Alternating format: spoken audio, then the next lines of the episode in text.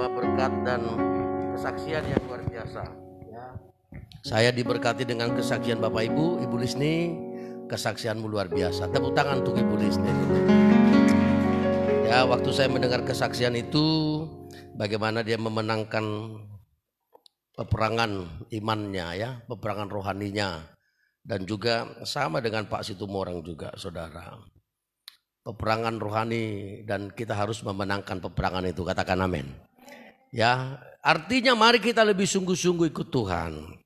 Ya, artinya kita lebih sungguh-sungguh dan lebih percaya kepada Tuhan saudara. Sebentar kita berdoa untuk firman Tuhan. Bapak di sorga, terima kasih hari ini kami sudah diberkati dengan pujian penyembahan kami.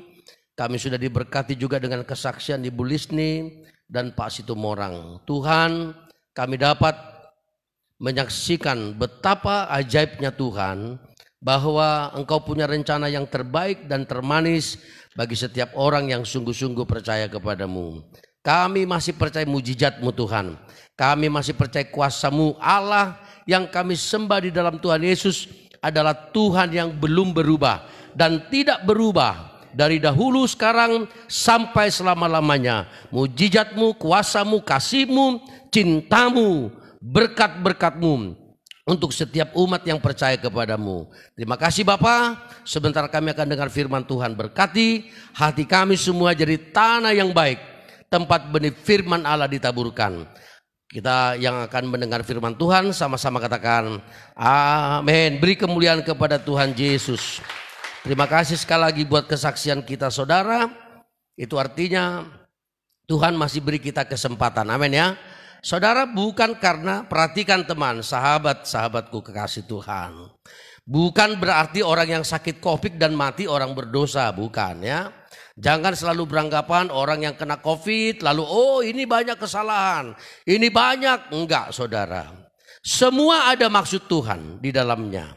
Artinya Tuhan masih kasih kita kesempatan sekali lagi dalam hidup kita untuk hidup kita mempermuliakan Tuhan. Diberi kesempatan oleh Allah untuk bekerja bagi dia, untuk melayani dia, untuk jadi berkat bagi orang lain. Jadi kalau hari ini Ibu Lisni sehat, itu Tuhan kasih kesempatan bagi Ibu Lisni untuk hidupmu bercahaya di tengah-tengah dunia. Ibu Lisni dipakai untuk jadi berkat, menjadi alat kesaksian, menceritakan kebaikan Tuhan di mana saja dan kapan saja untuk mengingatkan kita untuk tidak fokus kepada dunia tapi fokus pada kekekalan. Amin. Kita diajarkan hidup ini singkat saudara. Betapa singkatnya sehingga kita saudaraku harus sungguh-sungguh untuk memfokuskan hidup kita kepada kekekalan. Dan Pak Situmorang juga itu artinya Tuhan kasih kesempatan kepada Bapak untuk hidup sekali lagi. Lakukan yang terbaik. Amin. Jangan mencang-mencong. Jangan berputar-putar. Jangan berbalik arah. Teruslah terarah menuju kekekalan untuk berjumpa dengan Tuhan Yesus. Katakan amin. Mari kita buka ulangan pasal 5 saudara. Hari ini saya akan bicara tentang beribadah. Tentang kesetiaan kita beribadah saudaraku. ya. Ulangan pasal 5 ayat 12 sampai 15. Mari kita belajar firman Tuhan, saya sudah sampaikan di slide. Ya, Ulangan pasal 5 ayat 12 sampai 15 ada ayatnya juga di sana. Mari kita lihat Alkitab kita Saudara, saya baca untuk kita semua. Perhatikan, tetapi ingatlah dan kuduskanlah hari Sabat. Se seperti yang diperintahkan kepadamu oleh Tuhan Allahmu. Enam hari lamanya engkau akan bekerja dan melakukan segala pekerjaanmu. Tetapi hari ketujuh adalah hari Sabat Tuhan Allahmu. Maka jangan melakukan sesuatu pekerjaan engkau atau anakmu laki-laki atau anakmu perempuan atau hambamu laki-laki atau hambamu perempuan atau lembumu atau keledaimu atau hewanmu yang mana pun atau orang asing yang di tempat kediamanmu supaya hambamu laki-laki dan hambamu perempuan berhenti seperti engkau juga. Ayat 15 sebab haruslah kau ingat bahwa engkau pun dahulu budak di tanah Mesir dan engkau dibawa keluar dari sana oleh Tuhan Allahmu dengan tangan yang kuat dan lengan yang teracung. Itulah sebabnya Tuhan Allahmu memerintahkan engkau merayakan hari sabat. Haleluya. Amin. Hari ini kita bicara tentang sabat, saudara. Apa itu sabat? Sabat itu adalah hari ketujuh. Menurut tradisi orang Ibrani, saudara, hari sabat itu memang hari Sabtu. Ya. Jadi bagi orang Ibrani, orang Yahudi, Sabtu itu saudara tidak bekerja sama sekali. Ya, mulai malam itu Jumatnya itu mereka sudah tidak menyalakan api, tidak bekerja, termasuk semuanya. Kalau ada punya budak, kalau punya pekerja, punya karyawan, ternaknya, semuanya itu tidak boleh bekerja. Untuk apa? Menghormati Allah dan melakukan firman. Lalu mengapa kita hari Minggu sekarang beribadah dan mengapa hari Minggu menjadi sabat bagi kita? Saudara, kita merayakan kebangkitan Kristus tepat pada hari Minggu, maka kita beribadah di hari Minggu, hari kemenangan. Katakan amin. Dan apakah ayat ini tidak berlaku? Oh, tetap berlaku. Itu sebabnya hari ini seluruh dunia yang pernah saya katakan membuat kalender itu di hari Minggu hari merah, hari berhenti, hari istirahat. Kantor tutup, saudara. Semua eh, kantor swasta, kantor pemerintah itu tutup. Semua pegawai, semua karyawan itu disuruh berhenti dan istirahat. Ya. Untuk apa? Untuk istirahat, untuk kita bisa beribadah, untuk kita merayakan hari kemenangan di dalam Yesus. Katakan amin. Jadi hari Minggu itu adalah kita merayakan kemenangan bersama Kristus. Amin. Bilang sama temanmu hari Minggu adalah hari kemenangan. Jadi bukan hari bertengkar, amin ya. Jangan jadikan hari Minggu hari bertengkar, hari menggosip, hari pokoknya hari yang tidak benar. Karena hari Minggu adalah hari kemenangan, di mana hari hari Minggu adalah hari di mana kita bisa, bisa beribadah. Nah, saudara, firman Tuhan ini apa yang kita baca tadi adalah hukum, hukum, undang-undang maksudnya, aturan yang diberikan Tuhan kepada bangsa Israel setelah bangsa ini dibebaskan oleh Tuhan dari perbudakan dari Mesir. Jadi ketika bangsa Israel dibebaskan, dibawa keluar dari tanah perbudakan, maka Tuhan kasih perintah. Tuhan bilang, kau harus berhenti di hari Sabat. Ya, ini hukum, ini undang-undang yang tidak boleh dilanggar, saudara. Nah, bagaimana dengan kita hari ini, saudara? Bagaimana aplikasinya dalam hidup kita hari ini tentang ibadah. Bagaimana kita menghormati Tuhan tentang ibadah. Saya ingin menyampaikan beberapa poin hari ini kepada kita. Supaya setelah kita dengar firman ini kita menghargai hari Minggu. Katakan amin. Kita menghargai hari ibadah saudara.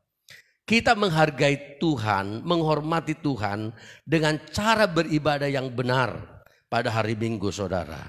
Kalau orang Ibrani buka toko pun tidak saudara. Mereka tidak melakukan apa pun. Di hari sabat itu mereka akan berdoa, menyanyi, menyembah Tuhan, beribadah kepada Tuhan. Di sepanjang hari mereka tidak melakukan apa pun. Ya, beda dengan kita hari ini. Hari Minggu semua kita buka toko buka, apa semua masih buka, kita bekerja dan lain sebagainya. Ya. Dan itu sebabnya hari ini kita belajar firman supaya kita kembali kepada apa kata Alkitab untuk mengatur hidup kita. Amin ya. Karena jelas 2 Timotius pasal 3 ayat 16 katakan segala tulisan yang diwahyukan oleh Allah, firman maksudnya adalah untuk mengajar kita, untuk menyatakan kesalahan, untuk memperbaiki kelakuan dan memimpin kita kepada kebenaran. Yang pertama Saudara, mari kita lihat kebenaran tentang ibadah Saudara ya. Bagaimana supaya kita setia beribadah. Itu maksudnya. Yang pertama adalah di ayat 12, kita lihat ayatnya 12, dikatakan begini. Tetapi ingat dan kuduskanlah hari sabat. Ingat dan kuduskanlah hari sabat. Jangan sampai enggak diingat hari minggu saudara. Ya, seperti yang diperintahkan kepadamu oleh Tuhan Allahmu ayat 12. Lalu ayat 15C katakan itulah sebabnya Tuhan Allahmu memerintahkan engkau merayakan hari Sabat. Jadi saudara ibadah ini bukan pilihan. Ya, bukan pilihan. Ya, saudara, setiap hari Minggu itu bukan pilihan. Oh, aku mau pergi ke gereja. Oh, atau atau aku mau pergi rekreasi. Oh, aku mau pergi ke tempat lain. Aku mau berpesta. Saudara, ibadah itu bukan pilihan. Karena ayat ini dikatakan, tetapi ingat dan kuduskanlah hari Sabat. Seperti yang diperintahkan. Jadi ini perintah Tuhan, saudara. Kalau perintah itu artinya harus dilakukan. Harus dikerjakan. Ya. Bagi orang yang sudah diselamatkan, perhatikan, ini tidak pilihan karena perintah ini diberikan Allah kepada orang Israel setelah mereka keluar dari perbudakan. Sama seperti kita yang sudah diselamatkan Tuhan. Ya, bagi orang yang diselamatkan, yang sudah menerima anugerah dari Tuhan, bagi orang yang sudah diampuni dosanya, bagi orang yang sudah menjadi milik kepunyaan Allah, ibadah itu adalah sebuah keharusan. Katakan amin. Bukan pilihan. Katakan amin. Bilang sahabat temanmu, ibadah adalah keharusan. Ya, harus tidak pilihan. Ya, untuk siapa? Memang bagi orang yang belum diselamatkan itu pilihan. Tapi bagi orang yang sudah diselamatkan, bagi orang yang sudah menerima anugerah keselamatan dari Tuhan, bagi orang yang sudah diampuni dosanya, itu keharusan. Bagi saya ibadah keharusan. Tidak boleh tidak beribadah pada hari Minggu. Katakan amin. Karena Tuhan sudah menetapkan dunia sudah mengakui hari Minggu tanggal merah. Ya. Saudara sudah diselamatkan? Saudara sudah diselamatkan? Sudah diampuni dosamu? Sudah diampuni dosamu? Maka ibadah harus menjadi keharusan. Katakan amin. Ya. Kalau perintah dilanggar berarti apa? Berdosa. Ya. Itu sebabnya janji Tuhan bagi orang yang tak mau beribadah itu enggak banyak tidak diterima oleh orang-orang Kristen saudara. Gagal melihat berkat Allah karena kita melanggar firman Tuhan. Kalau melanggar maka dosa. Dosa berarti ada yang memisahkan kita dengan Tuhan. Dosa menjadi penghalang berkat. Ya, bukan Allah yang tidak mau memberkati, tetapi ada penghalangnya. Apa itu? Dosa. Kenapa? Karena kita tidak melakukan perintah Tuhan dalam beribadah. Dosa itu bukan hanya mencuri, saudara. Dosa bukan hanya berbohong. Dosa bukan hanya uh, membenci orang. Dosa bukan hanya membunuh. Tapi karena tidak taat beribadah pun adalah pelanggaran firman Tuhan. Yang mengerti katakan amin. Yang mengerti katakan amin. Jadi kita harus setia beribadah. Bilang sama temanmu setiap hari minggu jangan tinggalkan ibadah. Amin ya. Karena itu keharusan. Masih banyak orang yang nggak mengerti ini saudara. Walaupun sudah menjadi Kristen lama sekali. Ya, dianggapnya ini ah main-main ini gitu ya. Ini perintah saudara. Nanti di, pada waktu yang lain saya akan memberitahukan orang yang menghargai hari Sabat, yang mencintai Sabat, melakukan hari Sabat, Alkitab katakan kau akan kuberi kemampuan untuk melintasi bukit-bukit di bumi. Mampu diberi kekuatan untuk melewati pergumulan dan masalah dengan kendaraan kemenangan. Kitab Yesaya katakan begitu. Bahkan kau akan kuberi makan dari milik pusaka Yakub. Jadi orang yang beribadah hidupnya bahagia. Katakan amin. Karena ada janji Tuhan bagi orang yang beribadah saudara. Ada janji Tuhan bagi orang yang menghormati Tuhan dan melakukan firman yaitu setia beribadah. Jadi saudara datang ke gereja mungkin satu setengah jam. Saudara itu sangat menentukan hidupmu dalam perjalanan besok dan besok. Karena apa? Karena di situ saudara akan melihat betapa ajaibnya Tuhan yang akan menopang hidup kita. Jadi mari kita setia beribadah. Bilang sama temanmu, teman, ibadah itu perintah. Amin ya. Yang kedua, saudara, mari kita lihat ayat 14-nya. Lihat di sana.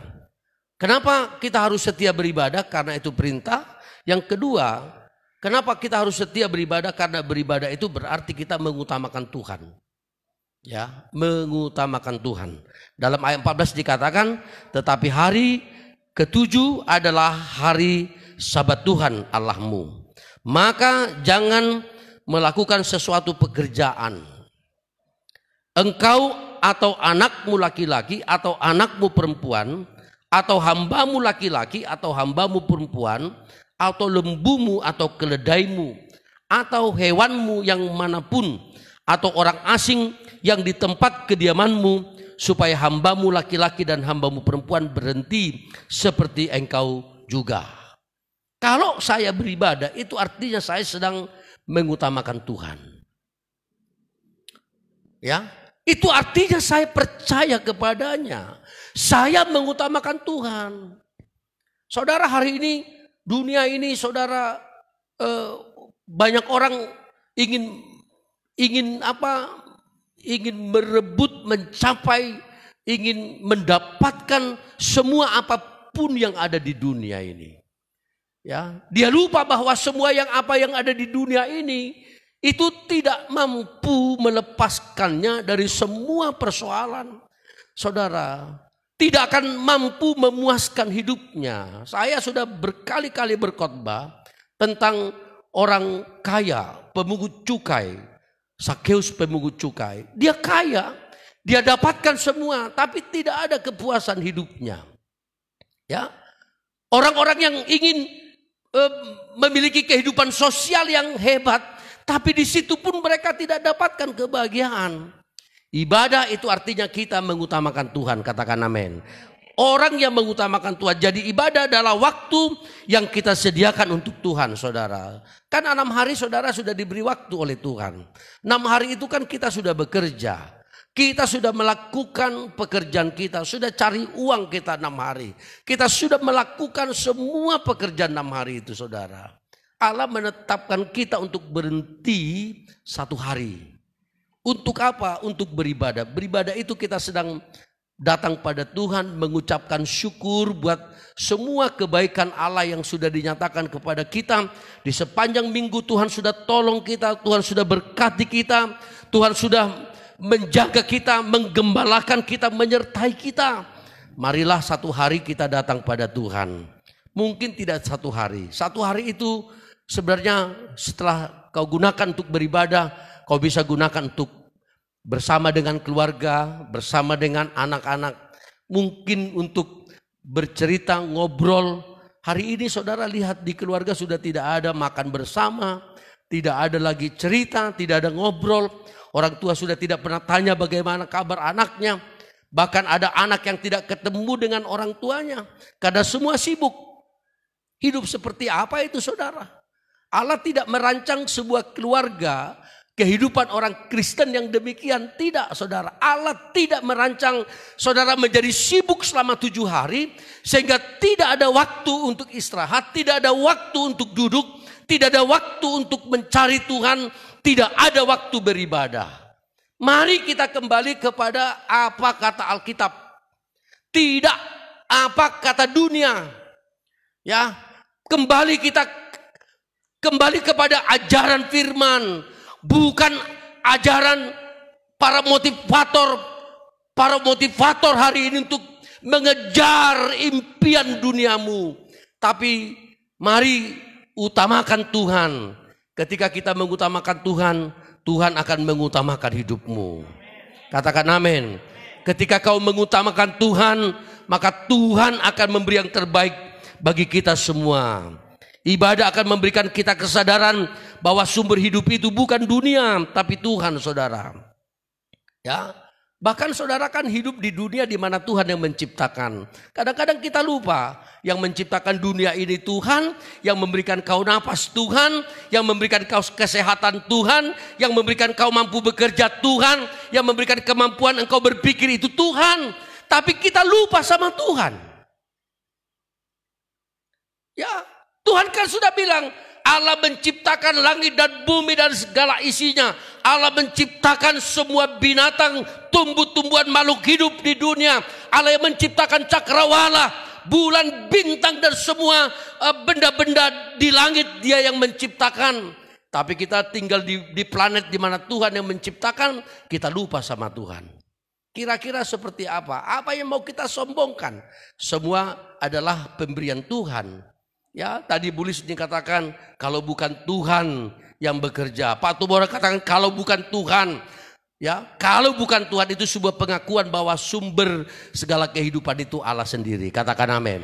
Kalau begitu saudaraku beribadalah. Bukti kita beribadah adalah itu buktinya kita sedang mengutamakan Tuhan dalam hidup kita. Orang yang menyediakan waktunya terlebih dahulu datang beribadah kepada Tuhan, orang itu akan diutamakan Tuhan. Datanglah beribadah. Kalau saudara mau bekerja pagi hari bangunlah Lalu saudara cari waktu saat teduh dengan Tuhan. Jangan terus berpikir, oh kalau ini nanti terlambat, hilang langganan, hilang ini semua, hilang pencarian, ini hilang. Saudara lupa bahwa sumber segala berkat itu adalah Allah. Dia bisa menjadikan segala sesuatu. Ya, jangan pikir semua karena kekuatan kita dan karena kemampuan kita maka seharusnya kita beribadah. Katakan amin. Mengutamakan Tuhan sang pemberi dan sang pencipta itu justru saudara kita akan melihat kebesaran. Al Alkitab katakan apa? Cari dahulu kebenar, cari dahulu kerajaan Allah dan kebe, maka semuanya akan ditambahkan kepadamu. Itu firman ya. Cari dulu kerajaan Allah dan kebenarannya. Maka semuanya akan apa itu semua? Ya apa yang kita butuhkanlah. Kesehatan, makan, minum, apalagi. Semua ditambahkan. Cari dulu Tuhan. Utamakan Tuhan. Cari dulu kerajaan Allah dan kebenarannya. Maka semuanya akan ditambahkan kepadamu. Katakan amin. Ya, jadi kita harus ingat Tuhan. Bilang sama temanmu ingat Tuhan ya bilangnya jangan sampai lupa sama Tuhan ya. Oh banyak orang nggak sadar dunia ini kan Tuhan ciptakan kita numpang saudara. Kalau Tuhan bilang ah kau nggak ingat sama aku kau keluar dari bumi ini. Kata Tuhan lalu ke mana kita? Gak bisa ke mana-mana. Kau nafasmu ini udara ini dari aku kata Tuhan. Kau bayar kata Tuhan. Ya bayar oksigennya kata Tuhan. Oh ini matahari ini buatanku. Kau jangan Jangan pakai matahari ini kata Tuhan apa? Lalu apa kita bilang sama Tuhan? Ya, mari kita beribadah. Amin. Karena orang yang beribadah itu artinya mengutamakan Tuhan. Saya tidak pernah lihat orang yang sungguh-sungguh beribadah hidupnya mengalami penderitaan dan kesusahan. Tidak pernah. Ya, tidak pernah. Orang yang beribadah kepada Tuhan ada ayatnya. Ya. Dikatakan ketika kita beribadah kepada Tuhan, itu artinya kita menikmati apa yang baik yang milik Tuhan, Saudara. Coba lihat nah, ayat di bawahnya dikatakan ulangan 8 ayat 19 sampai 20. Ini ayat peringatan dikatakan begini, tetapi haruslah engkau ingat kepada Tuhan Allahmu sebab dialah yang memberikan kepadamu kekuatan untuk apa? Memperoleh kekayaan. Apa katanya? Dengan maksud meneguhkan perjanjian yang diikrarkannya dengan sumpah kepada nenek moyangmu seperti sekarang ini. Jadi Tuhan yang memberikan kepada kita kekuatan untuk apa? Memperoleh kekayaan. Jadi Tuhan juga ingin kau kaya, katakan amin. Tuhan juga ingin kau diberkati Tuhan. Tuhan tidak ingin kau miskin sebenarnya. Tuhan tidak ingin kita menderita, tapi ingat dia. Karena di tangannya lah sumber segala apa yang kita perlukan. Maka ayat ini bilang, haruslah engkau ingat kepada Tuhan Allahmu, sebab dialah yang memberikan kepadamu kekuatan untuk memperoleh kekayaan. Jadi kalau saudara mampu bekerja, itu semua dari Tuhan untuk saudara dapat menikmati berkat Tuhan. Ayat berikutnya dibilang apa? Ya, tetapi jika engkau sama sekali melupakan Tuhan Allahmu, lihat di sana. Jika engkau sama sekali melupakan Tuhan Allahmu dan engkau mengikuti Allah lain, beribadah kepadanya dan sujud menyembah kepadanya. Ini ayat peringatan teman. Aku memperingatkan kepadamu hari ini bahwa kamu pasti pasti apa di sana dikatakan? Pasti binasa. Itu ayat peringatan. Kalau kamu lupa sama Tuhan dan kau beribadah kepada Allah lain, kau berbalik, ingat katanya hari ini ku peringatkan. Lu ayatnya lu, ada peringatan ini. Jangan kita tidak boleh main-main, kau pasti binasa. Ayat berikutnya ayat 20 katakan apa? Seperti bangsa-bangsa yang dibinasakan Tuhan di hadapanmu, kamu pun akan binasa sebab kamu tidak mau mendengarkan suara Tuhan Allahmu. Ini keras ayatnya saudara. Ya, oleh karena itu mari kita setia beribadah pada Tuhan. Katakan amin. Ya, setia beribadah karena itu perintah. Yang kedua, kita beribadah berarti kita mengutamakan Tuhan. Tapi jika kita mengutamakan Tuhan, Tuhan pasti akan mengutamakan kita. Kalau kita mengutamakan Tuhan, pasti akan membuat kita sebagai anak yang istimewa. Katakan amin. Kalau kita mengutamakan Tuhan, pasti kita dijadikan anak kesayangan. Seperti yang saya sebutkan Matius 33, tapi cari dahulu kerajaan Allah dan kebenarannya, maka semuanya itu akan ditambahkan kepadamu. Jadi tahun ini saudara, ya bulan ini, mari kita mengutamakan Tuhan dari yang lain. Amin ya. Jangan saudara tinggalkan ibadah karena saudara bekerja, saudara berdagang, saudara melakukan apa-apapun. Ya, mari kita mulai membiasakan hidup menghormati Tuhan dan mengutamakan Tuhan. Ya, nggak ada artinya semua yang kita cari sahabat kalau kita tidak bersama dengan Tuhan. Semua yang kita cari menjadi tak berguna sama sekali. Maka kita harus mengutamakan Tuhan. Haleluya ya berkat yang kita terima walaupun mungkin sedikit kalau disertai dengan berkat Allah di dalamnya itu akan menjadi nikmat yang luar biasa kau rasakan. Tapi kalau berkat yang tidak bersumber dari Tuhan, saudara itu tidak menjadi nikmat dan lenyap seketika. Oleh karena itu, mari kita mengutamakan Tuhan dalam hidup kita. Ya, taruhlah pengharapan kita hanya kepada Tuhan saja. Ya, yang ketiga, yang terakhir. Mengapa kita harus setia beribadah pada Tuhan? Ibadah mengingatkan kita bahwa Tuhan telah menyelamatkan kita. Ayat 13 bilang apa? Sebab haruslah kau ingat bahwa engkau pun dahulu bu, budak di tanah Mesir dan engkau dibawa keluar dari sana oleh Tuhan Allahmu dengan tangan yang kuat dan dengan lengan yang teracung. Itulah sebabnya Tuhan Allahmu memerintahkan engkau merayakan hari Sabat. Ingat kita dulu budak, dulu kita sesat, dulu kita tidak anak Allah. Sekarang kita sudah diselamatkan. Jadi mengapa aku harus setia beribadah? Karena aku dulu budak. Sekarang aku sudah diselamatkan.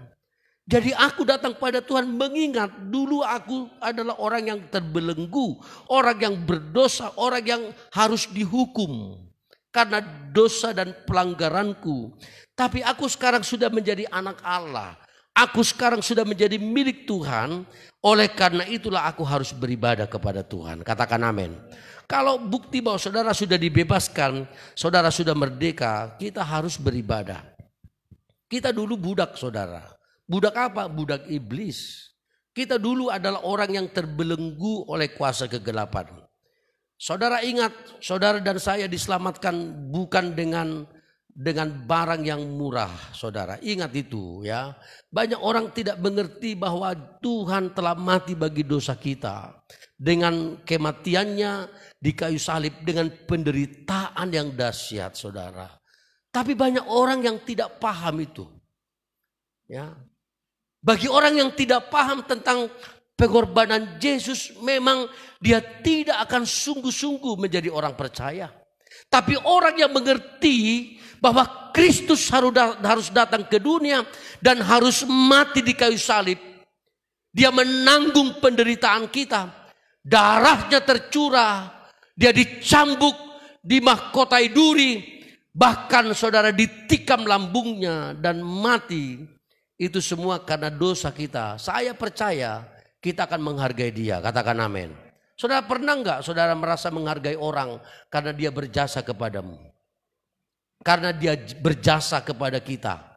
Lalu kau bilang aku tidak pernah lupa atas apa yang dilakukan dia kepadaku. Dialah yang menolong aku di kota ini. Lalu saudara tidak lupa. Baru begitu saja. Lalu Tuhan sudah melakukan karya yang besar dalam hidupmu. Mengapa tidak ingat pada Tuhan? Katakan amin. Bilang sama temanmu, ingat perbuatan Tuhan bagimu. Ya. Jangan sampai kita lupa Tuhan, Saudara. Ingat ya. Ingat, ingat. Ya, kita dibayar sangat mahal. Ya, kita tidak tidak dibayar dengan barang yang yang murah, tapi barang yang mahal yang tak bisa kita bayar. Gantikan itu sebabnya diberikan secara gratis kepada kita. Ya, karena tidak bisa bayar. Tuhan bilang biar kau punya seluruh dunia ini, katanya kau tidak bisa membayar nyawamu. Gak bisa. Ya, sadarlah itu saudara, ingatlah ya. Jadi ayat ini sedang menjelaskan kepada kita kalau kita beribadah itu artinya kita tidak kalau tidak beribadah itu artinya kita tidak sadar diri. Jadi banyak di luar sana tidak sadar saudara asik dengan bekerja, asik dengan mencari uang, asik dengan dunianya, asik dengan kesenangannya. Justru pada hari Minggu cari tempat rekreasi, tempat di mana dia bisa bersenang-senang, dia lupa pada Tuhan.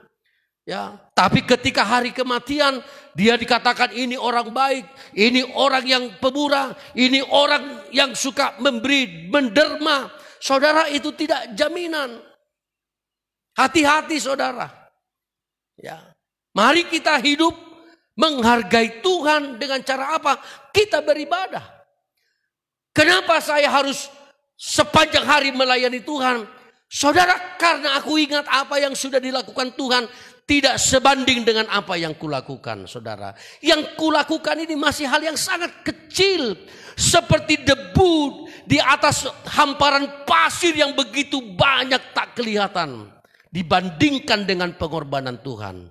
Saudara masih dua jam, satu setengah jam saja, saudara tidak bisa duduk di hadapan Tuhan untuk bersyukur, untuk berterima kasih pada Tuhan buat pertolongannya, buat keselamatan, buat pengorbanannya. Itu semua artinya tidak sadar. Bilang sama Tuhanmu kita harus sadar ya bilang. Sadar bilang, sadar. Ya. Sadar, amin. Ingat pengorbanan Tuhan padamu. Ada satu pujian berkata, ingat kasihnya, ingat kebaikannya dan anugerahnya, selamatkanku. Sebab kasihnya setinggi langit, kasih setia Allah pada kita. Besar kasih Allah pada kita. Katakan sama temanmu jangan pergi ke mana hari Minggu beribadah bilang. Ya jangan jangan pacaran hari Minggu bilang jangan pacaran. Yang muda-muda ya jangan. Hari Minggu harus beribadah. Amin. Permuliakan Tuhan di sepanjang hari itu saudara. Haleluya. Dalam bahasa sekarang jangan kita lupa kacang dari kulit harus tahu diri. Amin ya. Tahu diri saudara. Banyak orang di dunia ini nggak tahu diri. Sok merasa hebat. Dia pikir dunia ini miliknya. Dia lupa bahwa ini dia numpang di sini. Numpang. Adakah orang numpang angker jago di tempat dia numpang? Mana bisa. dia suka-suka numpang di situ, hidupkan keran, hidupkan listrik, hidupkan AC, hidupkan numpang. Kira-kira sebentar lagi disuruh apa itu sama pemilik rumah? Keluar, kamu tak tahu diri kata yang punya rumah. Go out. Karena tidak tahu diri. Kita pun jangan sampai Tuhan bilang kau tak tahu diri. Sekarang ku cabut nyawamu. Go out kata Tuhan. Mari kita tahu diri. Amin. Bilang sama teman tahu diri ya bilang tahu diri. Amin ya. Oleh karena itu kita harus beribadah saudara. Setiap hari tahu diri, saya pun tiap pagi bangun dan tahu diri bahwa ini adalah hari di mana Tuhan memberiku hari tunduk kepadanya tahu diri saudara. Amin. Mari kita belajar dari firman Tuhan ini. Tiga hal mengapa kita harus setia beribadah. Yang pertama tadi apa saudara? Ibadah itu ada perin, perintah. Kalau perintah harus di bukan pilih, bukan pilihan, tapi keharusan. Yang kedua apa? Ibadah adalah tanda kita mengutamakan Tuhan. Itu artinya aku percaya Tuhan. Hidupku diatur olehnya. Hikmatku bersumber dari dia, kemampuanku bersumber dari dia, kecekatan tanganku bekerja itu bersumber dari dia. Kemampuan aku menyelesaikan masalahku juga bersumber dari dia. Kemampuanku untuk menciptakan, menghasilkan uang juga bersumber dari dia. Maka aku mengutamakan Tuhan. Katakan amin. Yang ketiga apa? Ibadah mengingatkan kita bahwa dulu kita orang berdosa kita harus kena hukuman, tapi Tuhan sudah menyelamatkan kita. Ayo kita bangkit berdiri sebentar. Kita datang pada Tuhan, kita berdoa. Haleluya. Haleluya.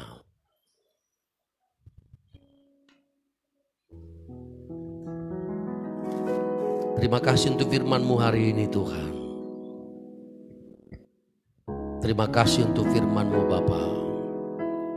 Terima kasih untuk firman-Mu hari ini. Mengajar kami, mengingatkan kami bahwa kami harus setia beribadah kepada Tuhan. Harus menghormati sabat-Mu ya Allah. Haleluya. Oh, oh, seperti rusa yang haus rindu aliran sungaimu.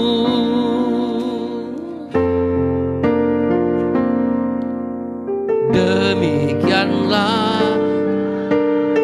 amin menunggumu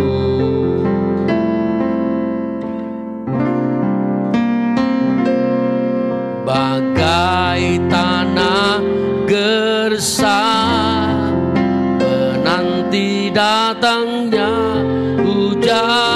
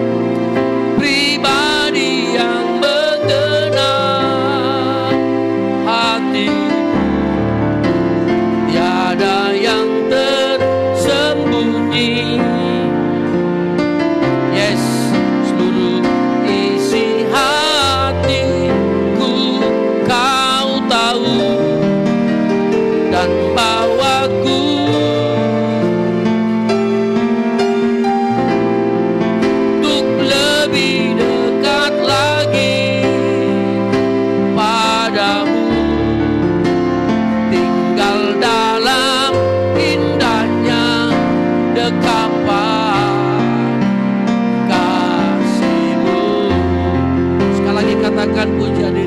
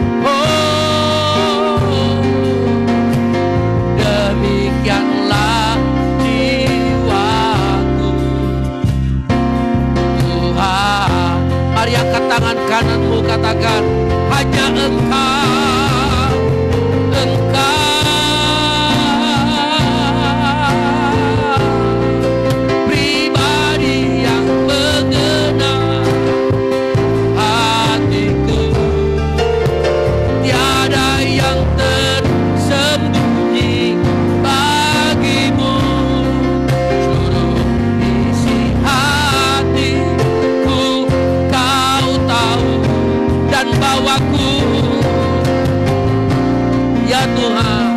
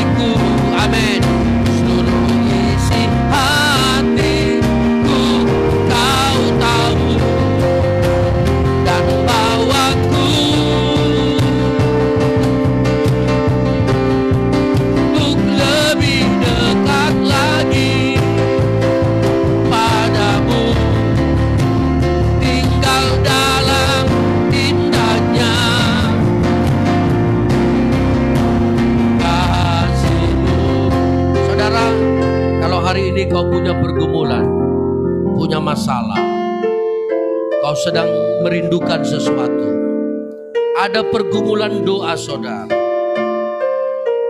Katakan kepadanya hanya engkau pribadi yang mengenal hatiku.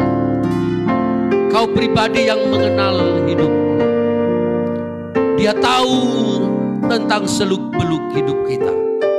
Itu sebabnya sore ini Bapak Ibu datanglah pada Tuhan. Apa pun yang sedang kita pergumulkan. Apa pun saudaraku. Yesus adalah jawaban dalam hidup kita. Tidak ada yang tersembunyi. Dia dapat melihat segala sesuatu yang sedang saudara alami.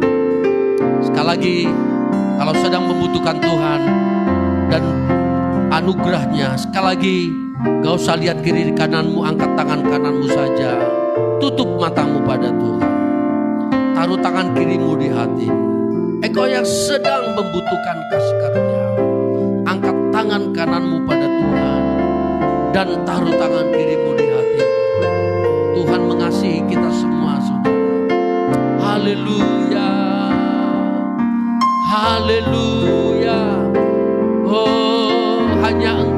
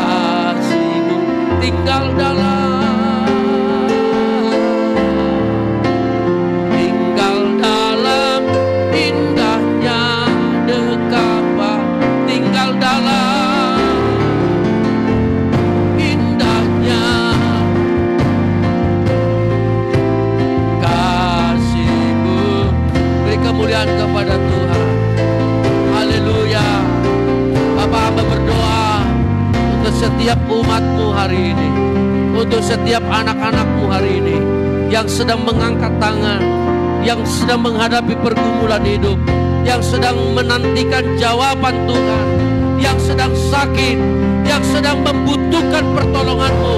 Kami berdoa dalam nama Yesus, setiap anak-anakmu mengalami jawab jawaban Tuhan, mengalami lawatan Tuhan.